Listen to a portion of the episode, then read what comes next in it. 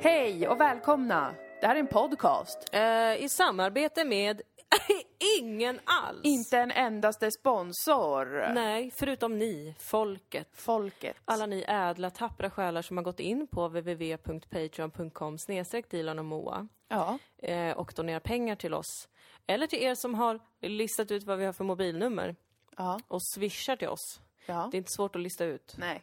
Man trodde det skulle vara lite svårare, Ja, men det är det inte. nej. Nej, men tack för ert monetära stöd, men det viktigaste är ju självklart ert emotionella stöd och Ja. ert engagemang i podcasten som vi älskar. Alltså er, ert enga- engagemang. Podden är väl okej liksom. Eh, Podden är väl helt okej. V- Ja. Vet du varför jag har tänkt på en sak? Nej. Jag tror så här varför folk inte svarar på våra frågor så mycket. Ja. Eller ger oss erbjudanden. Ja. Som personalrabatt på bäddmadrass till exempel. Eller en duschstol och en dusch-tv. ja, det är ju för att vi sen inte tackar för när vi har fått tips i Nej, podden. för nu fick vi ju efter förra veckan många tips om Ja. hur man hanterar, hanterar mal i hemmet. Ja. Tack så mycket! Alltså tusen tack att ni tog er tid och skrev till oss. Och ibland är det folk som skriver till oss bara med kärlek och pepp. Mm. Och de tackar vi ju, alltså vi tackar dem i skrift. Ja, Men kanske de som inte vågar höra av sig behöver få höra i podden ja. att vi tackar. Vi blir väldigt glada. Jag blir jätteglad. Jag med. Jag blir lite pinsamt glad ibland att jag är så, måste hålla mig från att skriva en novell till folk om hur, vilka vackra själar de har. Ja, Jag måste censurera mig själv. ja. Av kärlek Ja. måste vi censurera oss själva. Så är det. Tack för att ni lyssnar och är med oss. Eh, Dilan och Moa Enterprises. Denna vilda resa. Denna vilda, vilda resa som pågår och pågår med undantag för ett långt, långt uppehåll. Ja, ja, just det. Den lilla detaljen som, som vi hade, ja. Ja. Mm. Men nu är vi igång och vi kör på med podden. Vi kommer ta ett sommaruppehåll för att jag eh, vill det och du vill det. Ja, För att vi ska ha semester. ja. Och då blir det semester från allt. Det blir det. Sen kommer vi tillbaka. Mm. Tänker i alla fall jag. Pigga och krya. Ja, jag kommer också komma tillbaka. Ja, bra. Ja, Pinsamt för mig att bara sitta här själv. det hade varit jättepinsamt. Ja, vi har ganska inte. lika röster. Du hade ju kunnat låtsas. Kanske, men det blir inte riktigt samma sak. Nej, Det kan man väl ändå inte säga. nej det blir det inte. Nej. Idag är det den 16 juni när vi spelar in. Mm. Ganska långt innan midsommar när det här kommer släppas. Är det, när är det midsommar? På, nu på fredag den 19. Just det, Mm. ja. Det är det. Klockan är 14.12. Ja. Man kan väl säga att vi började spela in 14.10. Ja, det här gör mig trygg. Vilket år är det? 2020. 220. 20, 20, 2020. 2020. Ja. Ja. ja. Ja. Det är det och vi är halvvägs igenom det här året. Ja, vad snabbt det gick du. Vad snabbt det gick. Coronaåret 2020. Ja. Ja. Ha, vad, jag har ingenting med mig idag till po- podcasten. Ehm, inte direkt jag heller, förutom att jag nu har börjat kolla på Buffy the Vampire Slayer ordentligt. Äntligen! Och eh, matar det nu och Mm. eh, tycker det är väldigt bra. Och jag har äntligen så att säga kommit in i världen. Mm. Det tycker jag är ganska fascinerande med kultur, med konst, med vad det än är alltså. Mm. Ja, att det är mycket, mycket speciellt Ja. alltså att komma in i den världen. Ja, men flytta in i ett nytt område, man kan säga, i sin hjärna. Ja, och jag tänkte faktiskt lite på det nu när jag kollar på Buffy. Mm. Jag har försökt kolla några gånger, det har inte riktigt landat hos mig, Nej. men jag har känt här finns någonting. Jag vill ha det. Mm. Jag vet att det är en kultserie, jag förstår liksom att den har blivit så enormt stor som den har blivit. I alla fall tror jag det, jag har ingen källa på det, men det, den är ju en, alltså en, en klassisk serie Ja. Måste man väl ändå säga. Ja. En kultserie. Ehm, men så har jag gjort jätte, två försök tidigare, men liksom inte riktigt, ja men inte kommit in i det. Jag har inte känt den här äh, att jag vill titta på det helt enkelt så mycket mer. Och sen skulle jag se det tillsammans med min kille och då blev det liksom omständigt också. Ja. Kunde inte kolla när som helst, Nej. utan då ska man vänta och ja, allt det här. Men nu har jag fortsatt själv och tittar på det i, på min kammare Mm. Eh, som är en av mina favoritaktiviteter. Den är inte så värst socialt eh, trevlig. Nej, det är den inte. Nej, det ser Nej men du. den är bara inte det. Kan vi stanna upp vid det? Det här med att du stänger in dig på ditt rum och tittar på TV själv. Nej, men jag tycker bara att det är Ja. intressant. Nej, men gummi, jag är så ledsen för det. Nej, men alltså jag tycker inte att det är något fel. Jag tycker bara att det är intressant. Eh, så här, hur känner jag? Nej men jag bara, jag bara menar att man kan lyfta det. Men fortsätt, Ah, snälla fortsätt, nej. snälla fortsätt. Du var Jag kände som att det blev en grej. Nej! Nej! Vadå att det är en grej? Vadå Nej. är det någonting mellan oss nu? Nej men jag tror det. Nej men gud, du är sur på mig. Jag tror att du är avundsjuk Nej på men Buffy. gud, jag tror... jag är så avundsjuk på Buffy. Jag är det. Ja men jag kollar på det nu då. Ja. Stänger in mig på min kammare i Ja. min stora prinsessäng och ligger där och pöser. Det är verkligen bedårande att det är en av dina hobbys. Ja det är verkligen. och stä- Det är ofta man liksom hittar dig där, Ja. i din säng. Jag älskar den. Med en liten tallrik med kanske någon litet mellanmål på. Ja, oj oj oj, det är min bästa grej. Och jag har ju byggt nu in, alltså jag har byggt en egen sängkarm Ja. för några år sedan som är, är guldgul i linnetyg. Så det är som en solnedgång och så sitter det lampor, en sån här ljusslinga med lite ordentliga lampor runt så att det är som att det går ner en sol. Mm. Sen har jag ett sammetsöverkast i smaragdgrönt som en eh, vacker äng. Och sen har jag sytt också, jag köpte en gigantisk kudde och så sydde jag ett rosa fodral. Sen har jag satt upp liksom mörkröda, också sammetsgardiner som en sänghimmel, som ett tält ovanför sängen. Så jag har köpt mörkgröna byråer som jag har som nattduksbord. Ja. Och så ofta tänder jag ett ljus. Ett doftljus som du vet att jag gillar. Jag har Ja. fått ett av dig Ja. som doftar oliv och sage salvia. Ja. Eh, tänder ofta ett ljus. Tar med mig en kopp kaffe, eh, ett mellis. Ehm, så ligger jag där. Alltså allt är mjukt. Ja. Allt är underbart. Och jag är skyddad från omvärldens mörker. ja. När jag är i min säng. Det är jättehärligt. Så att nu, jag älskar det och jag har ju under en längre period nu bara kollat på reality. Mm. Men nu är jag faktiskt trött på den. Så att nu har jag gått över till Buffy. Men så tänkte jag på det där, vi jobbar ju med TV en del. Ja. Och så tänkte jag, vad är det som gör att någon lyckas bygga upp ett universum? För att i min värld så är ju det det som gör kvaliteten på en TV-serie. Eller på en film, för den delen. Eh, och det är mycket snack om det också, tycker jag, när man ska skriva. Att så här, eh, det är viktigt att, att bygga upp någonting, liksom en egen tonalitet eller något, så att man känner som tittare att man vill gå in och man vill vara med där. Och man går med på fiktionen och så vidare. Och det, jag har sett väldigt mycket TV i mina dagar, alltså extremt mycket. På gränsen till eh, sjukligt mycket. Ja. Och jag känner så tydligt när det inte finns. Av den enkla anledningen att jag inte känner något som helst intresse. Och jag kan se och tycka att det är underhållande, men efteråt finns det ingenting kvar. Nej, precis. Det minns det knappt. Det är så här, det, man kan äta, det är som att man äter någonting. Man undrar inte vad som ska hända härnäst. Nej, man tänker inte på karaktärerna, man tänker inte på miljön eller på stämningen Nej. eller någonting. Och det tycker jag är den stora skillnaden mellan att någonting är bara, bara, men jag tycker att det är lite så, bara, underhållande, vilket ju kan vara jättefint i sig själv. Kul att man får underhållning.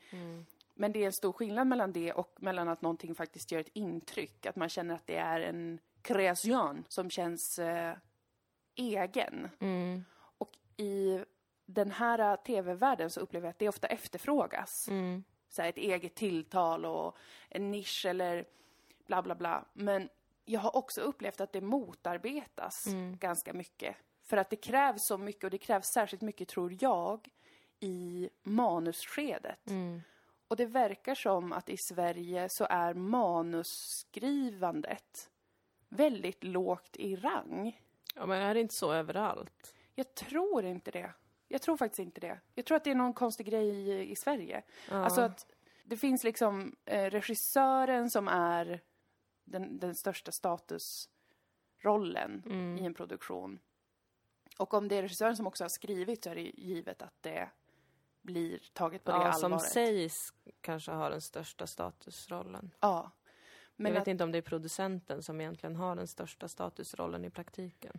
inte kreativt tänker jag inte. Nej, Producenter har ju liksom kanske mest eh, ekonomisk Mm. makt i det att den kan att den hela tiden är i kontakt med beställaren och kan stänga ner eller förändra innehållet baserat på vad man har råd med eller vad man Mm. vill prioritera. Men kreativt så tänker jag att eh, regissör står väldigt högt i Sverige Mm. medan manusförfattare...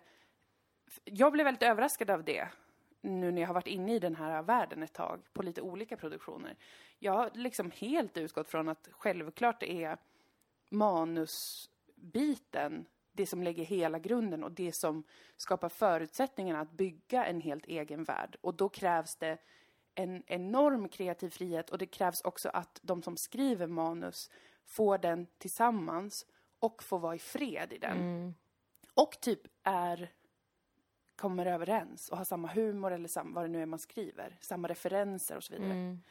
Eh, men att det, det... Jag har ju inte så jättemycket erfarenhet, men jag har jobbat på några olika produktioner tidigare. Och eh, jag minns liksom en av de första som jag jobbade med att skriva manus för, så att säga bara. Jag, var inte, jag hade inte kommit på idén, jag skulle inte regissera, skulle inte skådespela, utan bara skriva manus. Och jag minns att det var ehm, så märklig upplevelse, för att då skrev jag och en annan person, som jag inte kände, vi blev liksom ihopparade, att skriva vad det nu var, 8 gånger 15 minuter av en serie. Eh, och jag och hon kände inte varandra. Jag skulle inte säga att vi direkt har samma humor eller samma tilltal överhuvudtaget och inte heller samma bakgrund Mm. inom liksom vilken, vad ska man säga, nisch eller sådär vi befinner oss i. Ehm, och i den processen så var, kom, kom jag in med känslan av att det är självklart att manusförfattarna vet bäst Mm. I nästan allt i manusskedet. Mm. nästan allt. Nästan Förutom allt. liksom såklart budget och om man behöver skära ner på locations och skådespel och allt sånt där såklart. Det har ju produ produktionen koll på bättre. Mm. Men jag minns att jag var så förvånad över att det kändes genomgående som att man, manusbiten vart otroligt liksom ehm, underminerad hela tiden. Mm. Alltså fick både liksom både kreativ feedback från personer som inte skrev manus utan som var typ producent och liknande. Som ju inte gör det, alltså skriver manuset. Mm. Och även från högre chefshåll kom kreativ feedback som vi behövde ta ställning till hela tiden. Fastän de personerna som gav den feedbacken inte skriver. Och jag tyckte det var så jävla konstigt för att jag bara, ursäkta? Det här, är ju, det här är ju ett eget jobb, att skriva innehållet. Mm. Och sen är det alltid bra med feedback, men den borde rimligtvis komma från att man kanske är en större manusgrupp då, eller att man har kontakt med en dramaturg eller en, någon som är mer erfaren då kanske av att skriva den typen och så vidare av manus. Men så var det inte riktigt. Utan det var som att det, det, stämningen var lite att som manusförfattare ska man kunna bara helt plötsligt bara förhålla sig till att någon bara, det här är inte bra. Mm. Bara, va? Eh, det måste i så fall utvecklas och diskuteras och bla bla bla och bla bla. Men jag tror, eh, i alla serier som jag tycker är bra så, så ser jag ett mönster i att det alltid är, finns en enorm integritet kring manusförfattarna. Och att de är med i många fler steg, alltså i casting, i liksom samtal med regissör och ibland ofta också regissera själva, vissa avsnitt i alla fall och sådär. Och eh, det var någonting som slog mig då när jag såg på Buffy. Att Joss Whedon Mm. är ju exekutiv producent. Han som också har kommit upp med idén och skrivit flera avsnitt och allt sånt här. Han är väldigt, väldigt inblandad i väldigt många steg i processen. Så att det följer det mönstret att, att allt jag tycker är bra, där har även de som har skrivit, även om det varit flera personer, Mm. har varit mer involverade i flera steg. Och också vad jag tror, när den också är exekutiv producent, alltså det är utförande producent egentligen, sista ordet på något vis, så, så ger det mycket större utrymme för att den här äh, världen ska kunna byggas i sin helhet. Ja, jag håller med. Jag har fått lite samma intryck av att vara i den här branschen. Både skriva själv och, och liksom se hur processen är när andra skriver, när du skriver och sådär. Alltså jag tycker inte det är konstigt att man får feedback från folk som inte har en kreativ roll. Mm. Eh, för att en beställare kommer ju vilja eh, liksom justera saker och ting för sina egna intressen. Det känns logiskt att det händer. Det som jag reagerar på är att feedbacken ofta inte har någon respekt för berättelsen Mm. eller berättaren. Mm. Att det är väldigt mycket, väldigt ofta man får höra så här, det där är inte roligt. Ja.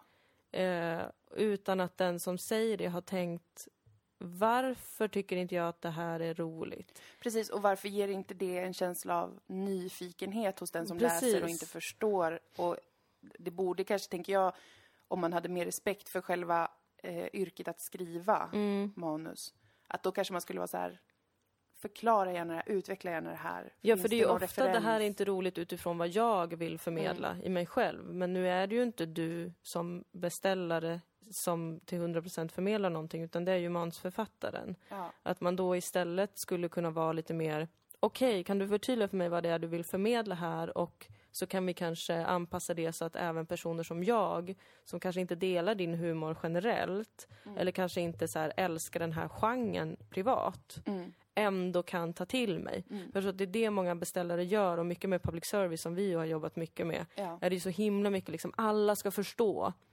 Ja. Vilket jag också tycker är ett misstag. ja. Eh, alla måste inte förstå allt. För Nej. då hade det blivit jättetråkigt. Det är ju därför vi ska ha en mångfald av saker vi sänder ut istället. Ja, För att det ska finnas något för alla. Men det är verkligen den här att det blir lite så här låst och begränsat och att berättelsen inte får vara fri. För det är det som är så fantastiskt med Buffy. mm, Att eh, den är ju jättemärklig. mm, Och den kräver tid. ja. Det känns ju som det viktigaste och något som inte ges så mycket i Sverige tycker jag. Nej. Till många serier att allting ska etableras så jävla snabbt. Mm. Allt ska, här- i, från, I första avsnittet ska folk fatta Mm. exakt vad det här handlar om och vad det är för någonting. Så var det ju mycket med, med Sagan om Dilan och Moa också. Ja. Första avsnittet, det är där allting etableras. Mm. Och jag känner bara så här, varför det? Mm. Om man, om man jämför med Buffy till exempel, det är så mycket som får etableras över så lång tid. Ja. Man får så jävla lång tid på sig att komma in i den här världen och det är ganska länge som det är så här, vad är det här för konstig, kitschig serie? Och där, har de, där är ju kitchen en, en väldigt stor del av världen. Alltså det har ju varit tydligt från början att det här ska vara ganska kitschigt, B-films Mm. genreaktigt liksom. Men att man får se det här och jag bara, vad fan är det här för något? Och sen så finner man sig själv, eller jag fann mig själv i liksom kanske typ säsong två, tre med att så här, fuck vad jag är insugen i den här världen och shit vad de har gjort bra relationer och bra dynamiska karaktärer Mm. som jag fick, som jag aktivt gav tid till att lära känna. Ja. Och nu är jag helt hooked. Det är så speciellt det. Mm. Att det... Ja, men att det faktiskt krävs tid och en viss konsekvens. Eller vad heter det? Kontinuitet Ja. tänker jag kanske mer på. I hur man skriver. Att om man börjar skriva och sen eh, lägger sig för många kockar i den soppan så, så blir det inkonsekvent. Mm. Eller det finns stor risk att det blir det, självklart.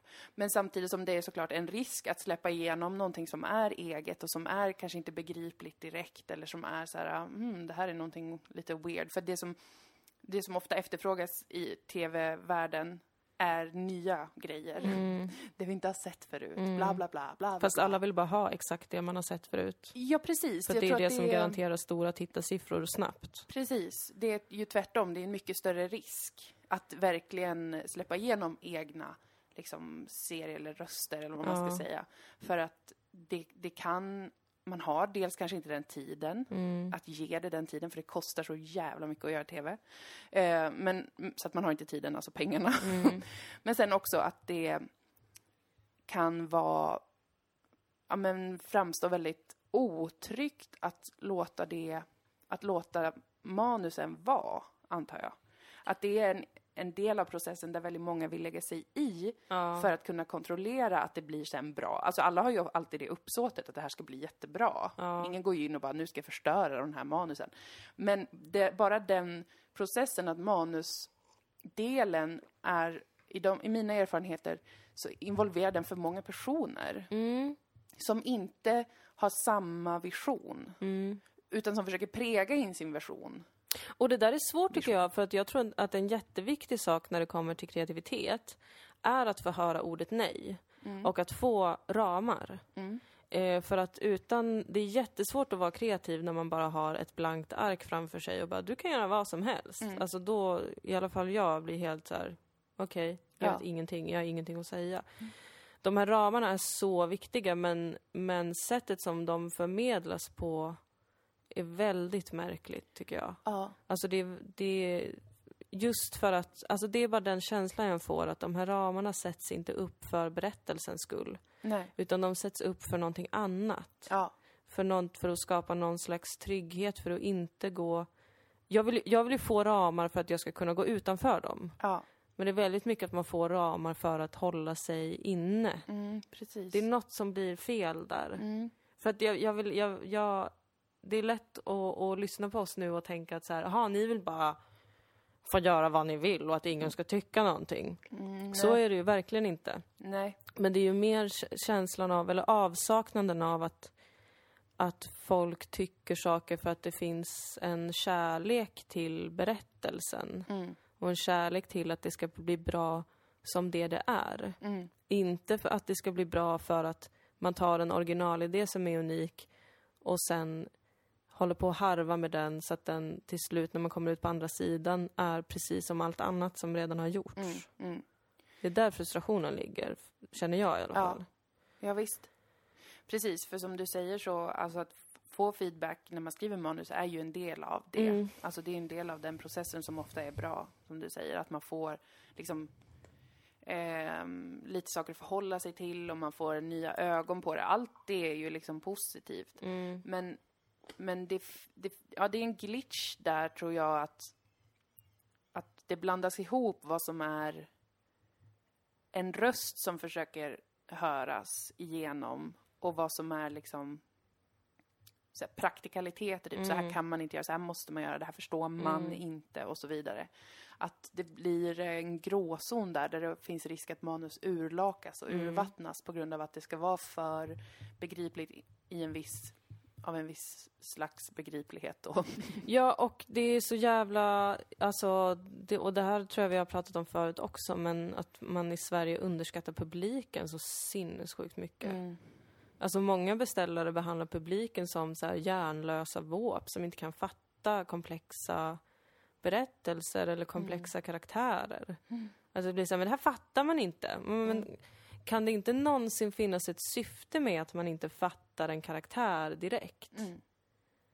Precis, och att den är inkonsekvent ibland. För det är ju Ja. också en sån eh, sak som jag har hört i alla produktioner jag har jobbat med, att det är så viktigt att vara sann mot karaktären. Mm. I, I vilken form den än är, om det är i sitcom eller sketch eller mer drama eller mer humor. Det är alltid den att så här, den, den här skulle inte göra så där, Mm. säger någon. Mm. Eh, och då som manusförfattare säger man så här, men det har vi bättre koll på. Mm. För att en människa, eh, en, en karaktär, en fiktiv människa, har såklart vissa grunddrag som den inte skulle gå igenom eller som den skulle eh, maskera väldigt mycket innan den liksom gick över eller bytte från. Mm. Men i ett beteende hos en människa så kan det finnas jättestor inkonsekvens vid en första anblick. För att människor har massa försvarsmekanismer, man kan vara liksom i förnekelse kring Mm. grejer, man kan vara på ett sätt i en viss typ av sammanhang och på ett annat sätt i ett annat typ av sammanhang. Och det gör inte en karaktär inkonsekvent. Mm. Men, men eh, det är oftast den Liksom, och det tänker jag är en sån sak som att underskatta publik. Att Mm. man tänker att man förstår bara en karaktär om den alltid är så här, eh, konsekvent på det här sättet. Mm. Eh, som är att den alltid reagerar med samma reaktioner Mm, i princip. Ja. ja, och att man tänker utifrån, och det här tror jag väldigt många är omedvetna om, för det finns väldigt många inom TV som, och det här knyter an lite till tidigare avsnitt också, väldigt många inom eh, underhållning generellt som tror att de är så otroligt woke. eh, men som man själv märker utgår jättemycket från en så här vit, hetero, medelklasspublik. Där man är så här, men du har ingen aning om vad en annan väldigt stor del av befolkningen skrattar åt eller har distans till. Eller, det behöver inte vara humor enbart, vad man relaterar till. Mm. är liksom förbluffande hur många som är så jävla medvetna som inte fattar vilken, vilken snäv syn på publiken de själva har. Ja. Det är fascinerande. Det är jättefascinerande. Och det är också där jag tänker typ att i ett manusskede så kan man typ inte tänka på publiken. Nej. Alltså, utan där måste man ta den, inom citationstecken, risken. Att liksom, om vi har anlitat eller gett pengar till de här att skriva ett manus Mm. och låter det vara, genomsyra hela processen och låter den visionen tillsammans med regissör såklart och andra skådisar, allt det här. Men om vi låter den genomsyra hela processen så kommer det bli en unik produkt, LOL, det är så hemskt ord, men unikt resultat. Och då kommer det naturligt vara så att den publiken kommer titta på det, den publiken som tilltalas av det. Alltså att det är också så här att det ska vara manusförfattarnas jobb att tänka typ målgrupp, begriplighet, bla bla bla. Det är också liksom ett jättekonstigt perspektiv att anlägga i en manusprocess. Ja, i alla fall tidigt i manusprocessen. Alltså jag har alltid tyckt att det där är jättesvårt när folk är så här, vem ska vara målgruppen? Och jag hatar att tänka målgrupp.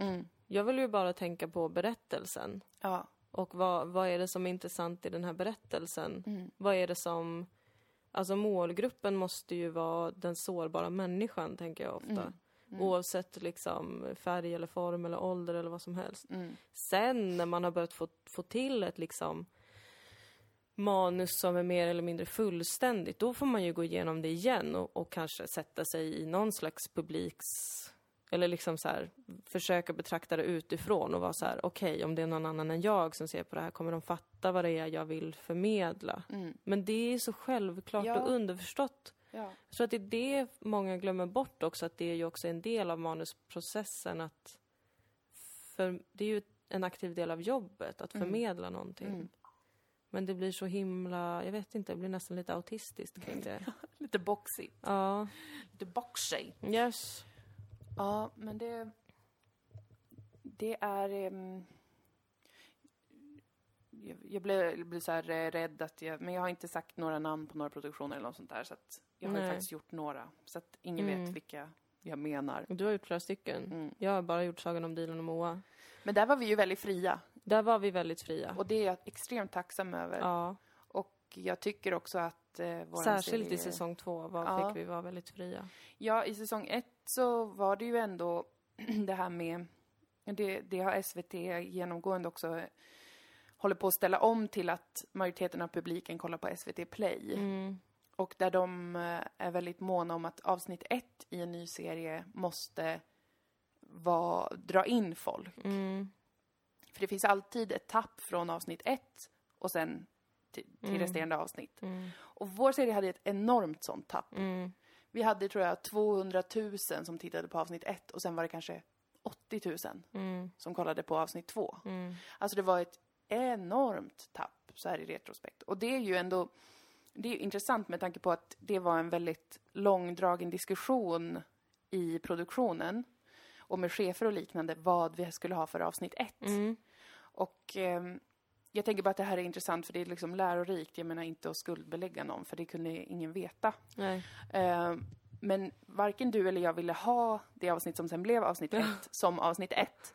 För det är det avsnittet som har tema, det heter eh, samlevnad. Och det handlar om att våra två karaktärer eh, har olika eh, situationer med samlevnad. Min karaktär som har haft ett one night stand och sen blir säker på att hon har blivit gravid för att det var oskyddat sex. Och din karaktär som känner att hon aldrig någonsin får ligga och försöker få till det men är för självmedveten och obstinat så att det går åt helvete såklart, allting. Och omedveten om sin omvärld. och vem hon dejtar. Vi såg ju om det ganska nyligen och tyckte faktiskt det var väldigt eh, gulligt det avsnittet. Mm. Men, där fanns det ju en oro från både dig och mig. Som var, det här avsnittet låg i början tror jag som avsnitt tre eller något Mm, sånt där. Och vi hade ett, ett av de andra som avsnitt ett. Men där det var en diskussion kring eh, vi behöver ett mer tillgängligt avsnitt ett. Det Mm. får inte vara för liksom, om det är för fringe då, då kommer vi tappa, eller då kommer inte folk titta. Mm. Ehm, men vi ville inte ha det som avsnitt ett av anledningen att om man inte känner till karaktärerna och deras egenheter så kommer det mest troligt vara så att det här läses som en ganska stereotyp serie om tjejer som dejtar. Och vi hade mensskämt med, vi hade det här olika skämt om att ha sex och vara rädd för att vara gravid och vara dum i huvudet runt sådana saker. Saker som jag tycker är väldigt eh, rimligt och kul att skämta om såklart, eh, tycker jag det. Men som ett första avsnitt, som första intryck, så, så var ju både du och jag så här, vi tror att det kan bli missvisande. Eller vi tror att det kan ge falska förhoppningar slash falsk avsky inför vad det här är för typ av serie. Mm. För de föregångare vi har, serier skrivna av och med kvinnor i huvudkaraktärerna, hanterar ju ofta, håller ofta på med de här ämnena. Mm. Alltså Girls till exempel, eh, Full patte, Mm. eh, Sex and the City, lol, det är så himla få exempel, det känns så pinsamt att det är så himla få. Eh, och som inte ens är i samma genre som det vi gör. Nej. Men även Broad City har ju rätt mycket liksom kring, väldigt så explicit kring sex. Ja. På ett roligt sätt, jag gillar det som sagt. Ja. Men vi har ju i princip i inga andra avsnitt någonting som är så explicit runt kroppen och kring sex och sådär. För att det, det var en tårtbit där våra karaktärer stöter på det här. Sen har vi andra avsnitt där de dejtar och sen i säsong två blev det ganska mycket kring, fast då är det om att vara ofrivilligt Ja, okåt. komplexavsnittet i och för sig i säsong ett också. Ja, men jag tänker på den här typen av, du vet, explicit, typ ett mensskämt. Ja. Att det rinner blod, Mm. som vi hade i det eh, i ettan. Mm. Och även liksom den här äh, att gå på, på Tinder-dejt, Mm. att eh, eh, hålla på och smussla med dagen efter-piller. Alltså många Mm. den, den typen av skämt som återigen tycker det är kul, jag har Mm. inget emot det. Men jag tror att, att det som första avsnitt, jag, jag vidhåller att jag tror att det inte var bra Mm. att ha det som första avsnitt. För att det skulle ha varit roligare för folk att ha lärt känna våra karaktärer bättre. Och Innan man fick se det. Ja, och just förstå den här världen. Ja. Den här, det här tilltalet, sättet som de pratar och agerar på gentemot varandra och gentemot omvärlden. Mm. Som ju är själva grundstommen. Mm. Och den värld vi har velat bygga. Genom hur vi har skrivit det. Mm. Och att man då hade det som första avsnitt tror jag blev... eh, Jag tror att det är helt enkelt... Det är ju samhällets fel, men att jag tror att ganska många liksom var absolut osugna på den typen av Ja, lite trötta kvinnohumor. på det säkert. Ja. Ja. Så här, ja, här, är, här är två till tjejer som ska skämta om eh, mens och ligga Mm. och hit och dit. Och det är ju samhällets fel. De kan fara åt helvete, samhället. Men jag har tänkt på det i alla fall. Mm. Som en del i det här med, med att bygga upp ett, kos, ett mikrokosmos Mm. som jag tror är, supercentralt. Mm. Sen så är det ju också ett ehm, positivt tecken att så många som, alltså som inte såg vidare försvann. Det glädjer mig ju, för jag vill inte ha några sådana trögjon som kollar. Mm. Men, men det var ändå ett fascinerande stort tapp Mm. ehm, som jag funderade över i efterhand. Men det är ju alltid också svårt med ett första avsnitt. Oavsett eh, vilken serie det är. För jag tror att alla som gör TV mm, bär det där oket av att så mycket ska in i ett första avsnitt och så Mm. mycket ska lockas in. Och jag tror att som publik så, så måste man också vara snäll mot det. Mm. Att, att aldrig, jag, jag försöker jättemycket med det. Mm. Att inte döma saker på ett första avsnitt. Nej. Att ändå våga se ett andra avsnitt. Mm. Om jag inte tycker att det var fruktansvärt värdelöst eller så här, verkligen inte tilltalar mig i genre och sånt där. Då kanske jag Mm. slutar efter ett första avsnitt. Mm. Men att ändå komma ihåg det att i nästa avsnitt så kommer man nog få se lite mer av den där världen på riktigt. Typ. Ja. Det tänker jag mycket på, särskilt efter att ha gjort TV själv. Att shit vad, vad farligt det är att döma saker på ett första avsnitt. ja, man behöver ofta ge lite tid. Mm. Eller till och med en första säsong, som med Mm. Buffy. Ja, och It's Always Sunny. Mm. Eh, där var ju också första säsongen... Jag, jag har ju sett alla säsonger, alla avsnitt säkert över 20-30 Mm. gånger. men, men första säsongen, det är väldigt mycket som inte har fallit på plats. Mm. Även andra säsongen är det fortfarande liksom lite så här, man känner det här är, klickar inte riktigt. Och sen, bit för bit, så faller det Mm. på plats. Och sen är det eh, universums roligaste serie i alla fall fem säsonger Mm. i sträck, vilket är helt sinnessjukt. Ja. Ehm, Och det tänker jag, det, det tycker jag jättemycket med, med Sodom också. Mm. Att hela första säsongen är på ett sätt, i min värld i alla fall, eh, lite av en pilotsäsong. Mm. Jag, jag, när vi såg om den så var jag dock överraskad för jag tyckte den var så himla mycket bättre Ja. än vad jag mindes den som. Jag, blev, jag var också överraskad. Ehm, jag minns den som väldigt dålig, Ja, men den var med. väldigt bra. Men Den det är var också tydligt att det är, det, är, det är mer konsekvent i säsong två. Det är Ja. tydligare vilka karaktärerna är och vad som är karaktärsenligt och alla sådana där grejer. Ja, Eh, och som du sa så är det ju jättemånga serier. Alltså Parks and Rec, att den där första säsongen var ju ett jävla trainwreck. Mm. Det var ju bara någon slags, The Office US. ja, det var också skit första Mm. säsongen. Ehm, det enda undantag jag kan komma på är Peep Show, Mm. som jag tyckte var bra från första avsnittet. Mm. Men där har jag också hört eh, många som tyckte att det var väldigt cringe i början. Mm. Alltså att man tycker det är pinsamt med den här typen av neurotisk eh, humor. Mm. Som jag själv tycker är väldigt kul, för jag tycker som sagt, eller som jag många gånger har sagt, att verkligheten är otroligt mycket pinsammare än fiktionen. Ja. Så att jag kan inte riktigt relatera till de som bara jag, jag var tvungen att gå ut i rummet när Mark sa det där. äh." Bara, Men det är också att många har en så konstig bild av humor, att typ eh, att saker är för pinsamma eller för overkliga typ. Ja. Och jag blir såhär, men det är humor. Ja. Vem har sagt att det här ska vara särskilt verkligt? ja, men och har du sett verkligheten? Ja.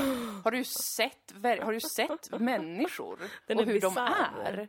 Det är det sjukaste som finns. Mm. Fiktionen kan aldrig mäta sig med hur jävla psycho Mm. människor är i grupp med varandra, i sina relationer, Mm. hela tiden. Det är skitpinsamt. Det är verkligheten som är pinsam. Fiktionen är liksom en paus från det. Och en underbar känsla av att så här, just det, det är fler än jag som fattar att verkligheten är det som är det pinsamma. Mm. Så jag tycker också, jag, jag kan inte riktigt relatera till den där grejen. Alltså jag kan ju tycka att saker är cringe, men då är det för att jag tycker att produktionen är så jävla dålig. Men det är någon samtida sjukdom i kulturen känner jag. Ja. Att allt ska vara eh, allt ska vara så verkligt och nästan dokumentärt. Mm. Jag tror att det är för att det, vi har blivit helt skadade av eh, det här med liksom prata om vem som är avsändare och vad vad det är man vill visa upp. Eller jag vet, jag vet Jo, inte vad det kommer säkert. av. Det är säkert, alltså för att, och hela den här grejen med att ehm, liksom folk har eh, sina egna kanaler i mycket högre, högre utsträckning, vilket ju på många sätt är fantastiskt. Man kan Mm. göra liksom eh, jättemycket innehåll via sina egna kanaler och med sitt Mm. eget face, att det har blivit liksom en hel affärsidé runt influencers och folk som, gör, som vloggar och håller på. Att Mm. det, det har blivit en större del av eh, kulturen. Att Mm. människor är liksom, typ såhär, eh, Kinsa eller Ja, man är sitt eget varumärke. Ja, Mm. och att det alltså att folk är så jävla pirriga på det verkliga, den riktiga konflikten i den människans liv, den riktiga tragiken, allt det här så att man liksom fixerad vid Mm. att ta reda på vad är verkligt, vad är inte det. Eh, men jag tycker också att det är en, en sån eh, irrelevant och ointressant del av Mm. det. Alltså, jag bryr mig inte. Mm. Folk är väl folk som alltid. Mm. Liksom ingen newsflash. Det är bara pinsamt och hemskt för det mesta. Sorgligt. Så att därför så tycker jag att fiktion är eh, som eh, ett balsam för Mm. själen. Men och då blir jag överraskad när, när, när det är så ofta bara Åh, men man står ju inte ut med att titta på Peep Show då, till exempel. Mm. Ändå hört folk säga det. Eller typ, de skriker så himla mycket i Zoe Sunny. Det, det, det går inte att titta på för de, typ, eh, de är så hysteriska. Mm. Som sagt, har du sett verkligheten? Snälla! Ja, men sen är det ju en smaksak också antar jag. Jo, men det är det ju självklart. Vad man gillar att titta på. Men det där är, där är ju Buffy också ett väldigt bra exempel tycker jag på en serie som, där är det ju väldigt tydligt en genre som är liksom eh, lite fantasy, sci-fi eller vad man ska kalla det. Eh, det är helt urballat och det är väldigt tydligt att det är urballat. Mm. Men det är ändå en av få ungdomsserier som jag eh, tycker om Mm. som vuxen person för att genom, allt, genom att tillåta den här världen att vara så urballad och de här karaktärerna att vara så märkliga allihopa Mm. och ha sina egenheter så är det en ungdomsserie som på ett så fantastiskt sätt tar upp verkliga svåra saker Mm. och jobbiga grejer. Det är samma sak med eh, Avatar The Last Airbender Mm. som jag planerar att se om igen nu till sommaren för att Mm. den är så otrolig. Det är ju liksom en tecknad barnserie på Nickelodeon Ja. eh, som ändå lyckas bättre än många så här vuxendramaproduktioner att ta upp jobbiga och svåra ämnen om så här livets mening, karma, Mm. eh, olika filosofier, vänskaper, lojaliteter, eh, förtryck, Mm. eh, att vara förtryckaren, att bli förtryckt, att, att känna sig ensam i den man är, att inte veta sin identitet. Alla de sakerna Mm. kommer ju fram i den här supermärkliga världen som kanske vid en första anblick inte är jättetillgänglig. Nej. För att man tänker att oh, här är en jävligt hårt nischad grej. Ja. Men om man accepterar den Ja. så kommer den ju bjuda in till så mycket mer. Ja, om man, om man eh, köper fiktionen. Mm, Eller paketlösningen som man har fått mm, och får, får del av. mm, Så finns det mycket där att känna. Det är som när man läser en roman. mm. Där sitter man ju inte och liksom känner sig kritisk till liksom hur någon målar upp den världen. Det är inte den världen jag känner till, så där ser det ut på min gata. Det, Jag hade liksom- inte reagerat så om det här hände. Nej, det var konstigt. Eh, Det, det förstår jag inte. Det är inte jag där. Jag kan inte fortsätta läsa. Varför förvandlas den här personen helt plötsligt till en insekt i den här berättelsen och sen bara fortsätter det utan att man får en kritisk analys av hur det har gått till? Det man måste köpa fiktionen. Mm. Den är det vackraste vi har. Ja, och det kan publiken. Varför skulle folk annars älska att kolla på impro? Ja. Det är ju det renaste exemplet på hur man tvingas acceptera vad som pågår för att Ja. kunna njuta av konsten. Ja. Du har liksom ingen rekvisita, Nej. ingenting. Det är bara ett antal personer på scenen som helt plötsligt bestämmer att nu är vi på ett jävla fartyg Ja. och någon har fått aids. Mm. Och alla måste acceptera det för att det ska funka. ja. Och det Det- gör man ju. Det gör man. Annars sitter man ju där och har världens sämsta stund. Mm. Och Då kanske man inte ska gå på impro. Nej, precis.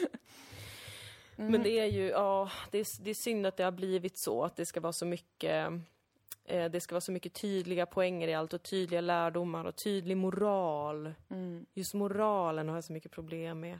Att moralen måste vara så bokstavlig i, i konst nu, Ja.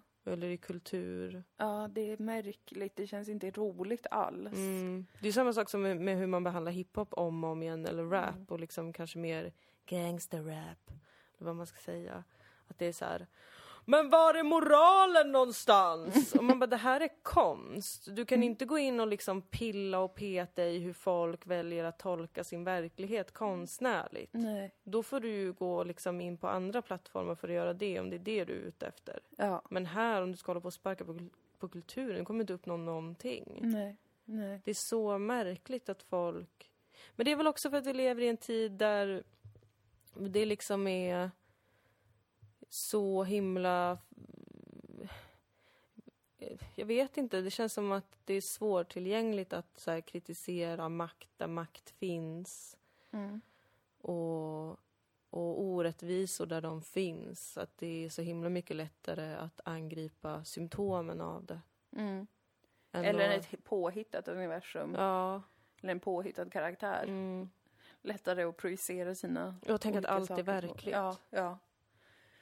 Det tänkte jag på nu också. Alltså det är så, förlåt, men det är så kränkande. Ja. Alltså det tänker jag mycket på just när det kommer till hiphop. Att det är så kränkande. Mm. Och det är också rasism, anser jag. Mm. Att vara oförmögen att tänka att till exempel en rasifierad avsändare har en fantasi och skapar en fiktion och leker med verkligheten. Mm. Man blir tolkad så bokstavligt och det är så Ja. fult och äckligt och folk sitter där på sina höga hästar och tror att de har gjort världen en tjänst. Mm. Fast det är så här, du har ju inte, du har missat allt. Ja.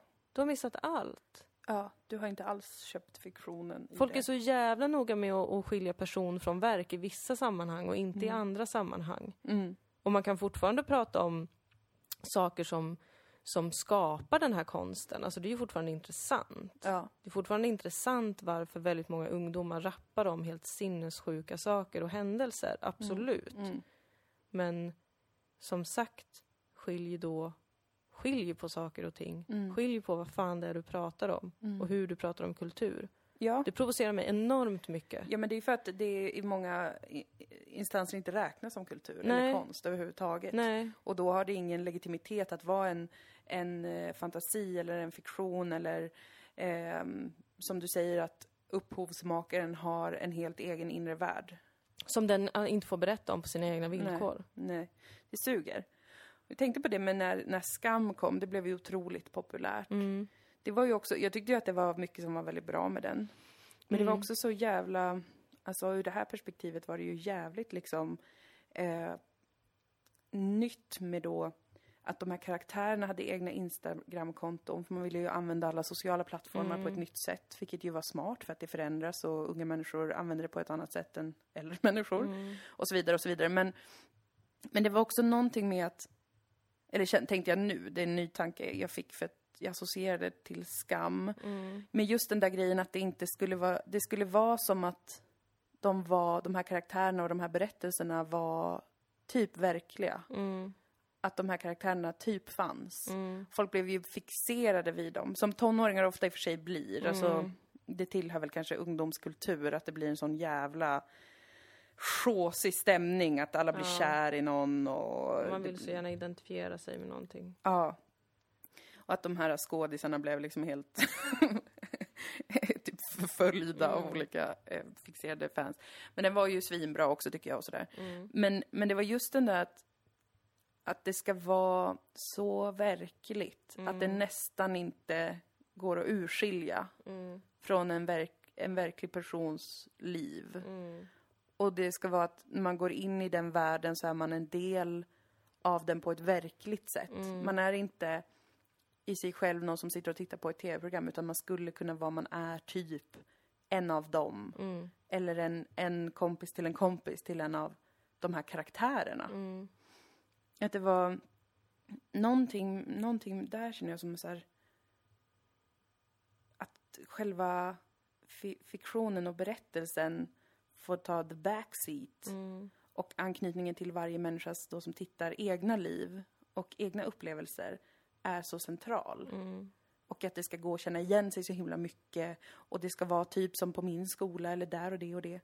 Och jag, jag känner väl att det är lite så här... För mig som, som person, mina favoritgrejer när jag var tonåring var ju verkligen sånt. Det var jättetydligt att det var påhittat. Mm. Alltså, det, fann, det fanns ingen koppling till mig. Nej. Och jag älskade det på samma fixerade sätt ändå. Mm. Det var inte som att det var så här, det här skulle kunna vara mitt liv, eller mina vänner, utan det var ju helt... Ja, det är ju inte därför jag till exempel har älskat Trolltider i hela mitt liv, från barn till vuxen. Det är ju inte för att jag relaterar till eh, Daisy och Gloria för att de, precis som jag, är små troll som bor i en gammal handväska. Va?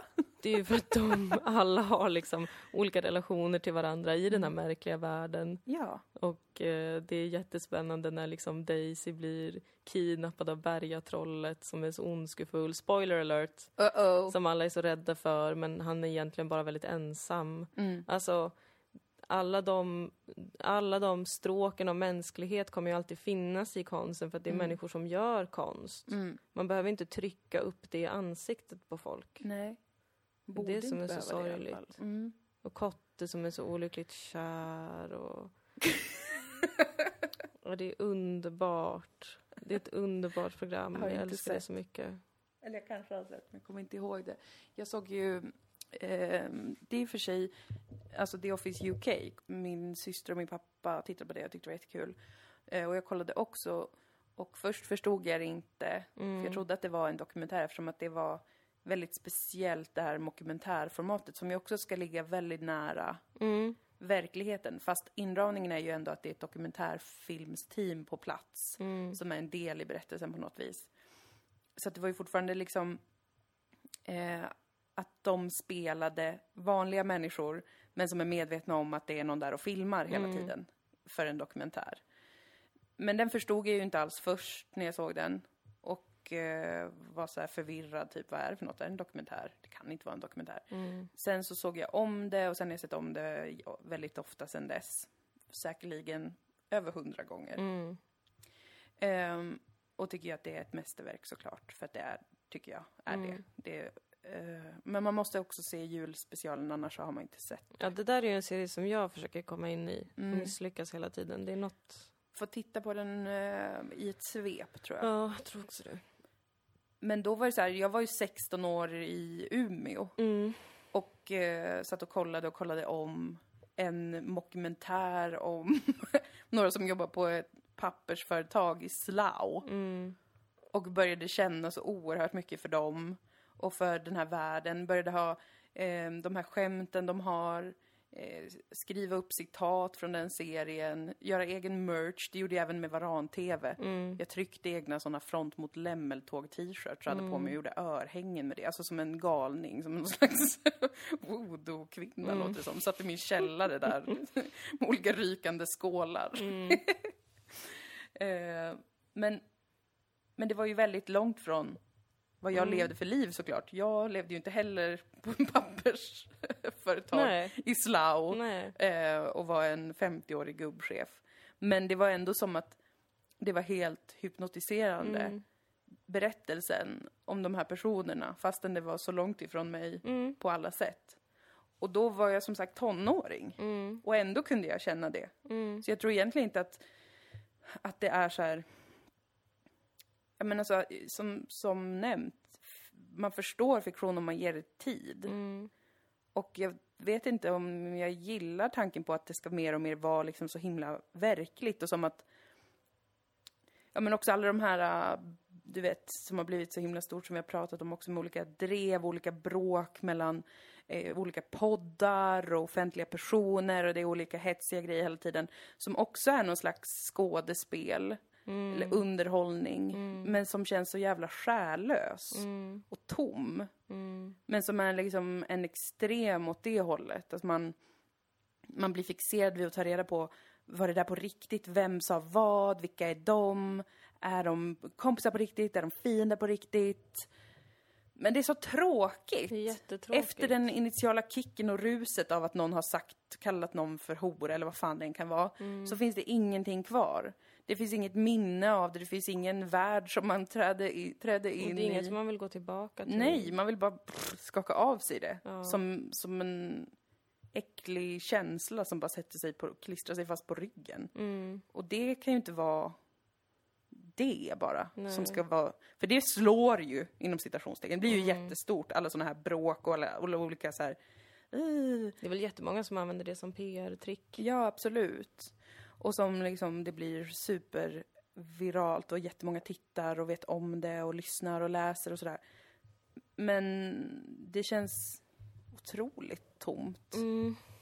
Och jag saknar då Mm. Ja, eller det är kul kan jag... Jag kan tycka att det är roligt ibland. Mm. Men det är inte kul när det är så dominerande. Nej. Det är kul om det händer kanske ibland och man är så här: wow, det här är ett så spännande skådespel. Särskilt om man använder internet på ett smart sätt. Och man märker att det finns en busig stämning bakom det. Då kan jag tycka att det är jättekul och smart och roligt och underhållande. Men det är som att det har blivit en sån himla en metod för allt och alla. Ja, Det har blivit så urvattnat. och att det ska vara det här pirret hela tiden. Är det på riktigt? Är det Ja. verkligt? Det pirret är så uttråkande. Mm. För det är så enformigt. Mm. Ja, jag har läst en bok nu Mhm. eh, som heter Ormens väg på Hälleberget, Hällberget av eh, Torgny Lindgren. Ja. En ganska kort bok som handlar om en jättefattig eh, familj i Västerbottens inland som eh, blir, eh, där mamman blir eh, utnyttjad för att de betalar ett arrende för sitt Aha. hus och sin mark. Den var ju fruktansvärt sorglig. Ja. Eh, det var kanske hundra sidor, den var inte lång. Men jag läste den på en dag kanske. Eh, och det var också gripande och sjukt. Mm. Hur jag liksom sen nu när jag tänker på den boken så får jag i mitt inre, jag får upp en bild av hur rummet såg ut där det mesta, där de var ofta, deras liksom vardagsrum och sovrum och kök. För det var så fattigt då. Mm. Och jag får upp en bild av eh, de här karaktärerna och jag får upp liksom en vemodig känsla av hur jobbigt det var.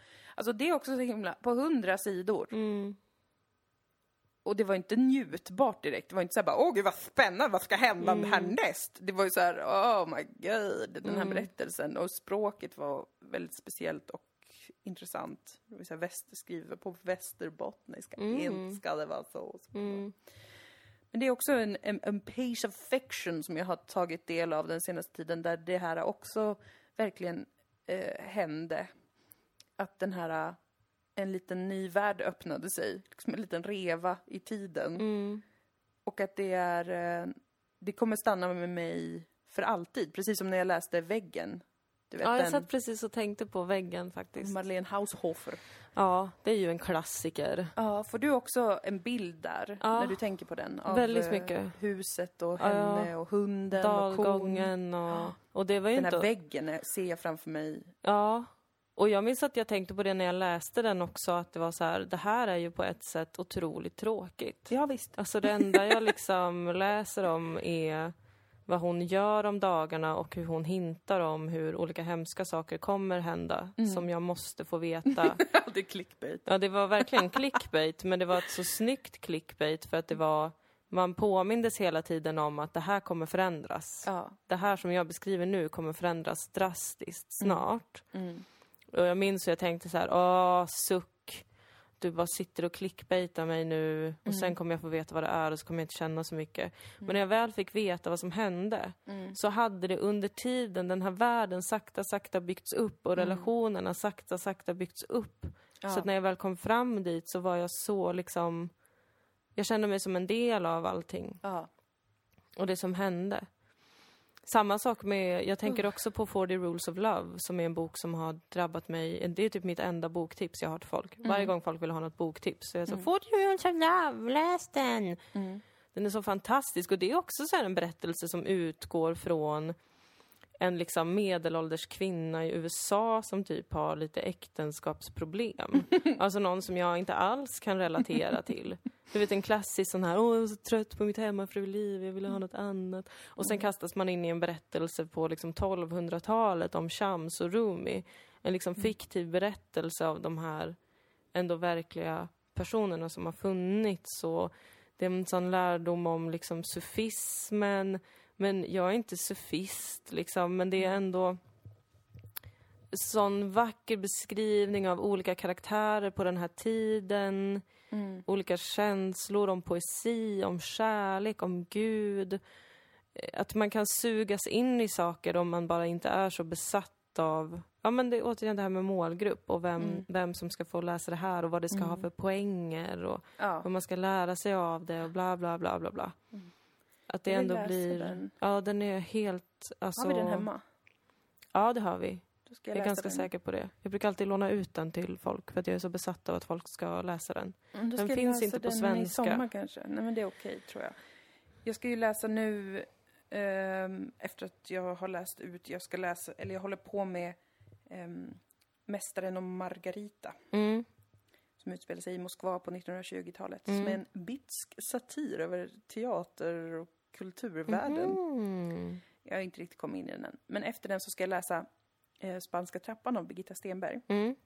För att när jag åkte buss en gång ut till stugan, Skåneexpressen, eh, då så satt det en kvinna bredvid mig Mhm. som var alltså antagligen missbrukare och hög Mm. på något. Eller så var hon en häxa, något av de två. För hon började svam... Först frågade hon om jag visste vart bussen gick och jag var såhär, ja, den, den går dit och bla bla bla. Sen så fortsatte hon prata med mig ehm, och ehm, sa bland annat att hon älskar hundar mer än människor. Mm. Något jag själv har sagt otroligt många gånger Mm. tidigare i livet. Så jag var, jag var så här, okej. Och hon bara, ja det är många som säger så kan du inte säga. Mm. Men jag älskar hundar mer. Jag gör det, de är så glada. Rena. Tittade bort och ut genom fönstret. Jag bara, Mm. då ska vi se. Hon började sen säga, spanska trappan ligger i Rom. Och jag bara, va? Mm. Vad är det som pågår? Jag vet Mm. inte vad hon pratar om, eller vad vi pratar om. Nej. Sen sa hon att hon bor ute i skogen eh, och att hon ska hoppa av bussen och gå rakt ut i skogen för där bor hon. Nej men, Jag bara, vilket absolut, underbart liv. absolut, gumman. Hon sa också att havet är otroligt. Ja. Mm, håller med, håller med, håller med. Check, Ja. check, check. Trevligt att bo i skogen. Eh, sen återkom hon till att börja eh, vimsa kring spanska trappan och jag hade ingen aning om vad hon försökte säga. Mhm. För jag sa så här, jaha, ja absolut, okej. Mm. Mm. Och hon bara, det ligger i Rom, i Rom, i Rom, bla bla bla. Och sen så när hon skulle gå av då ute i skogen, Mm.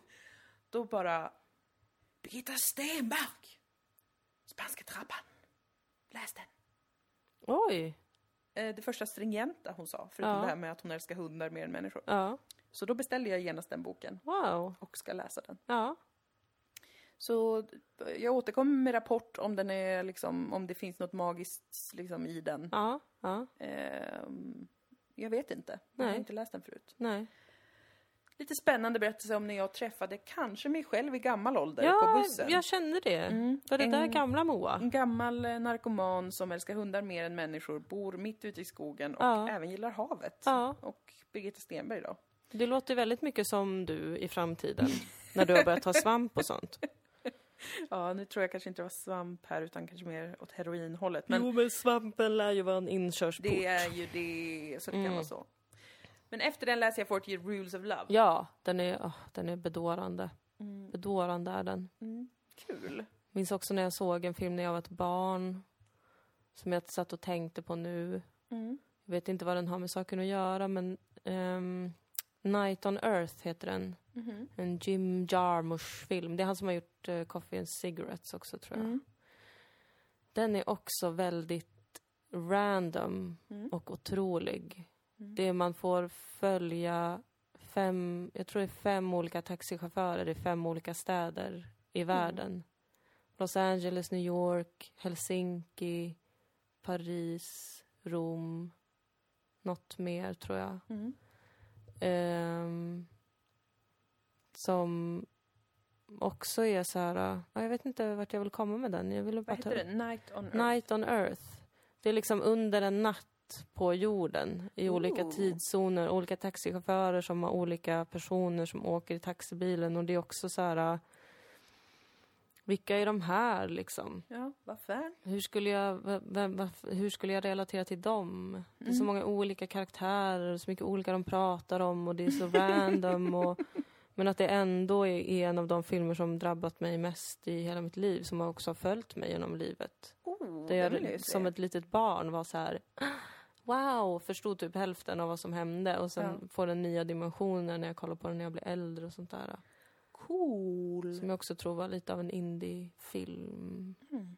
Den enda sanna konsten Ja. är indie-konsten. That is true, my dear. Mm. It is. Det är spännande. Nu finns det en film jag vill se också. Mm. Mm, Du har influenced me. Ja, jag är influencer. Ja, men du Mm, är det. är jag. roligt. Det är Jag jag. också Mm. det. Swipa upp för att komma till filmen. ja. Ja. Ja, kulturtipset i P1. Ja, nej men summa summarum, jag är så jävla glad att du tar dig igenom Buffy. Mm. Jag tar mig också igenom den nu med min kille som inte har sett den innan. Ja. Eh, Så att jag får se om den. Och det, jag slås av hur, hur, även om den har dalar, Ja, så är topparna otroliga. Ja. Och vi ber för en kulturvärld Mm. där unika berättelser får ta plats och fiktionen blir accepterad som fiktion. Ja. Har du sett verkligheten? Har du sett verkligen? Men har du sett verkligheten? Nej, men kan du är inte vilja ha mer av den? Är Nej, du nej, dum? nej, nej, nej, nej. Alltså jag sa nej. inte till dig nu, det lät som jag sa till dig. Ja, men jag sa jag till kände mig en attackerad. person. Det där var också en sketch. Mm. En fiktiv människa. Ja, som ja, säger ja. det att eh, liksom, den här kulturen är pinsam. Ja, vi hamnade mitt i kulturen här nu. Hamnar Fruktansvärt. Jag vill bort. Jag vill titta på nyheterna istället. Mm. Det tycker jag är spännande. Jag ska titta mer på Buffy. Mm. Jag med. Jo! Ehm, titta gärna på våran humorserie. Jaha. Kanske med nya ögon nu. Ja, wow. När Någon ni vet att de lyssnar. som har skapat den har egna tankar. Ja. Det trodde ni inte innan. Och inte är samma personer som karaktärerna i Nej, serien. vad sjukt. fast vi har samma namn. Ja, vad sjukt. SVT Play ligger den uppe på i kanske tre månader till. Ja, precis. De kommer lägga uppe i ett halvår Mm. totalt.